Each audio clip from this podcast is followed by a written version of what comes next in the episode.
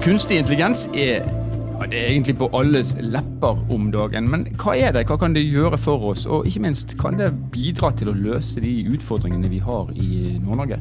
Dette er Nord-Norge verden, Mitt navn er Stein Vidar Loftaas.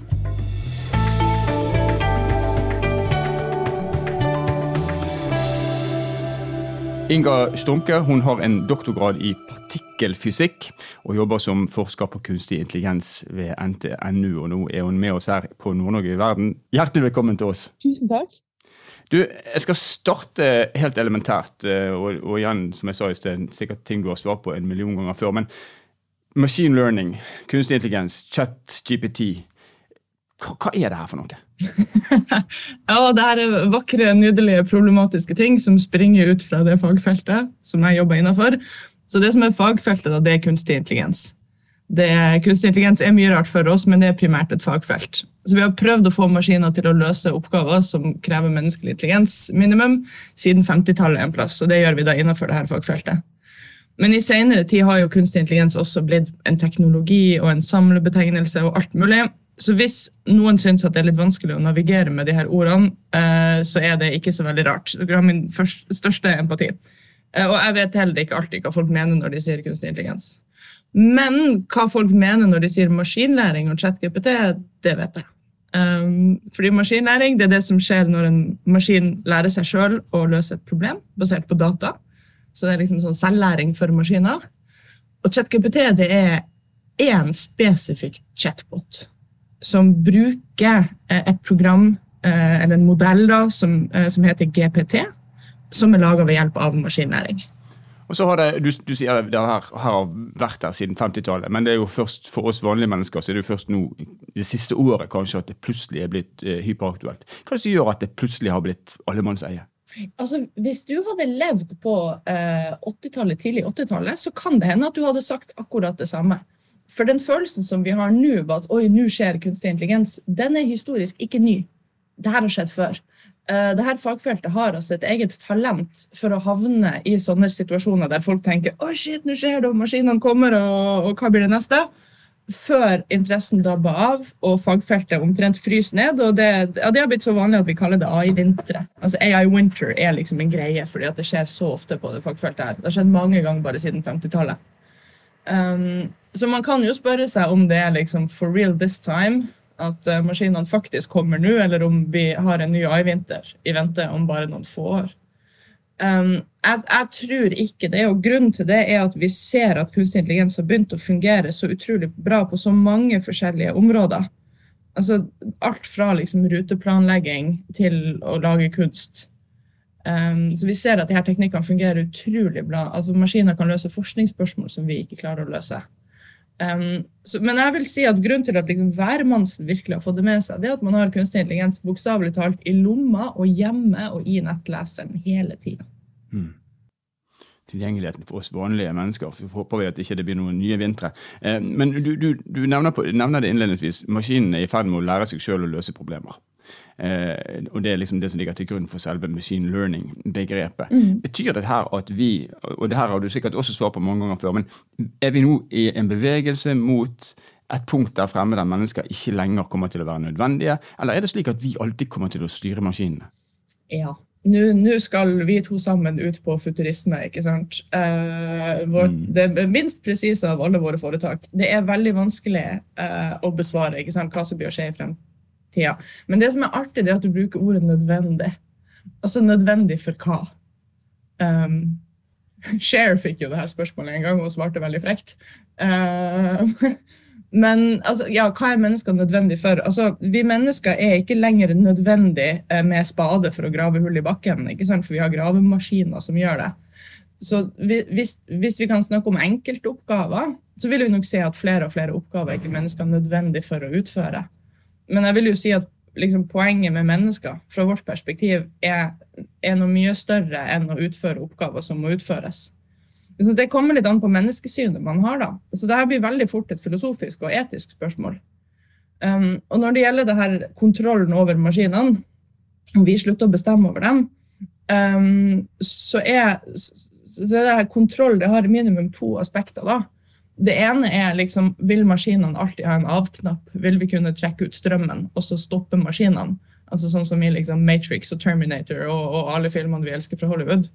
Um, og jeg vil si at vi er på ingen måte på vei mot en verden der vi ikke kan plugge ut strømmen på maskinene hvis vi vil.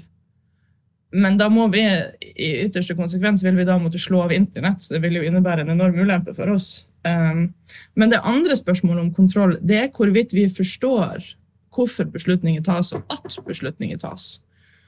Og der mener jeg at vi allerede ligger godt uh, an til å tape. Uh, jeg mener jo at det første slaget mellom maskiner og mennesker, uh, eller maskiner og, og kunstig intelligens, var på sosiale medier, og det mener jeg jo at vi tapte så det sang. Det tas veldig mange beslutninger for oss på sosiale medier om hva innhold vi skal konsumere. Eh, som vi ikke merker tas, og som gjør oss avhengige, og som påvirker atferden vår i en retning vi egentlig ikke har lyst. Så jeg bekymrer meg mye mer for det enn for, maskin, enn for et sånt Terminator-scenario. Men historisk sett så er det jo altså vi, maskinene nå kan de det de kan fordi at vi har mata dem med kunnskap. I hvert fall er det min enkle forståelse jo. av det vi har gjort over veldig mange ja. år. Men er vi, er det trenger ikke, trengs ikke det lenger. Er de nå kommet, er de kommet til et intellektuelt nivå, for å bruke et litt eh, teit begrep, som gjør at eh, ja takk, det holder, vi har det vi trenger, nå, nå kan dere bare gå og gjøre hva, hva det måtte være vi klarer oss sjøl? Um, nei, så ille er det ikke. Uh, så det er det er to vidt forskjellige tilnærminger innenfor det fagfeltet som er kunstig intelligens. Og det ene er vi gir uh, kunnskap til maskiner, og den andre er maskiner tilegner seg kunnskap sjøl. Men vi må huske at uh, når vi snakker om maskinene, så er det ikke et sånn maskinsamfunn der de liksom sitter og konspirerer og planlegger hvordan de skal uh, tilegne seg kunnskap. og sånn. Så det er mer det at når du setter deg ned og skal løse et problem ved hjelp av en datamaskin, så må du bestemme det. Skal skal skal jeg skrive ned reglene? Skal jeg lære den å resonnere og søke? og i det hele tatt? Eller skal jeg bruke en metode fra maskinlæring? Og Da må jeg samle inn data og så må jeg gi målet til maskinen. Og så kan den lære seg sjøl å løse oppgaven sin. Og det viser seg at det er forskjellige problemtyper eh, som egner seg eh, for, be, mer eller mindre for de her to forskjellige tilnærmingene. Um, og Hvis jeg skal prøve å svare litt sånn generelt og enkelt, så vil jeg si at um, det, det meste av optimaliseringsproblemer altså der, der, du ikke vet hva som er riktig løsning, men man må liksom optimalisere seg frem til riktig løsning, de, de problemene egner seg best i maskinlæring. For da har du masse data som beskriver det fenomenet du er ute etter å, å forstå eller å løse. Um, og så vil en maskinlæringsmodell lære seg å optimalisere basert på dataen seg frem til det, det, som er det beste svaret. Mm. Og For å trekke det enda lenger, for da begynner jeg å tenke på dette her som har med empati og sånn skjønn som mennesker anvender, etikk osv. Altså man bruker kunstig intelligens i selvkjørende biler. Vi har jo hørt om disse eksperimentene med mm, hvis du møter en, en, Bambi på den ene siden og en ku på den andre siden, hvem skal du da kjøre på? Hvordan, hvordan, hvordan vil utviklingen av, av empati og, og, etiske ting, hvordan vil maskinen jobbe med det på egen hånd? Ja, så, så empati vil jeg si er en veldig biologisk egenskap. Altså når du har empati, så eh, prøver du inni deg å forstå eller føle det den, den du står overfor, føler. Så jeg tenker man, For å kunne ha empati, så må det være en grad av likhet. Eh, så at maskiner skal utvikle empati med mennesker, det anser jeg for å være ekstremt usannsynlig. Fordi at vi er så ulike. Um, og så er det så klart en, en, en, større diskusjon her. Vi mennesker viser oss å ha masse empati med maskiner, og det er rart. Uh, men det her er virkelig en lengre diskusjon. Um, men om, vi skal få maskiner til å ta etiske hensyn, uh, så er det vårt ansvar. Da må enten dataene vi trener maskinene på, være etisk uh, aldeles formidable og, og gode eksempler på etisk atferd, eller så må vi hardkode inn etikk. Og Her er f.eks. ChatGPT et godt eksempel. fordi denne uh, GPT, som er en språkmodell som, som behersker menneskelig språk, uh, den, den, kan prate, og den kan, den, den kan altså Hvis du sender en setning til den, så sender den deg en setning tilbake. Sånn er den laga. Og så har OpenAI, da, når de har putta denne modellen som heter GPT, og gjort den til chat-GPT, og putta den inn i en chatbot, så har de laga en masse regler for hva den ikke skal svare på. Så hvis du ber den om hjelp til å lage dynamitt, eller ber den om å, om å skrive et eller annet rasistisk manifesto, så vil den si nei, det kan jeg ikke gjøre. Og det er fordi OpenAI har hardkoda inn at det er uetisk, at det er ikke greit. Og Det betyr at mennesker fortsatt ligger bak. og Da leder det meg over på det neste jeg hadde tenkt å spørre deg om, nemlig dette her med manipulering. Vi har hørt om begreper som falske nyheter og sånn eh, over lang tid. Eh, står vi nå i fare for å ha høy tiltro til et velutvikla system med kunstig intelligens som bare med to klikk i feil retning kan lede oss helt ut på ville veier?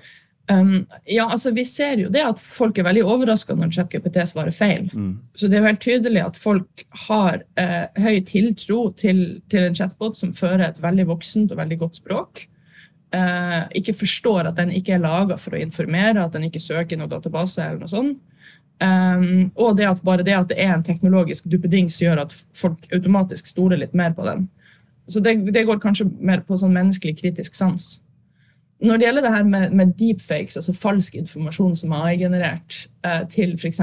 valgpåvirkning og til, til, å, til, å, forvirre oss med falskt innhold, um, så er det interessant hva som skjer. fordi man har ikke faktisk klart å påvise stor grad av valgpåvirkning pga. deepfakes.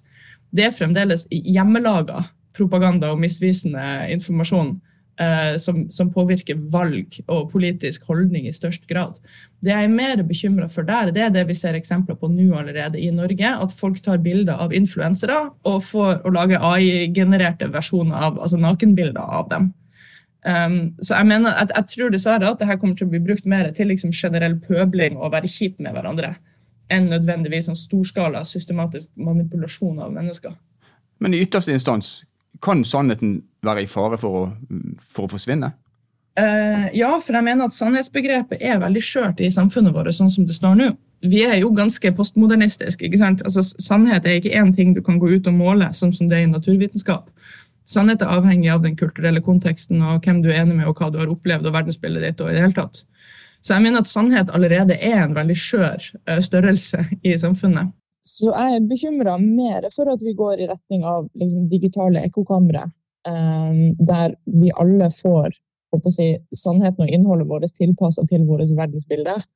Um, og at det blir vanskeligere å ha en, f.eks. en offentlig diskurs og debatt um, der vi har en eller annen si, synkronisert sannhet også på veien. Så uh, faktisk så er jeg mer bekymra for personlig tilpasning enn jeg er for liksom, en uh, drapsrobot uh, med laservåpen. Ja, riktig. Ja, litt uh, beroligende egentlig å høre deg si det. Uh, vi skal bevege oss over på din, altså din, din landsdel, Nord-Norge. Vi hører på dialekten din at du uh, helt åpenbart opprinnelig kommer herfra. Vi har noen dilemmaer i Nord-Norge. Stor verdiskapningspotensial på ene siden, men vi mangler mennesker, og vi har en kraftkrise under oppseiling.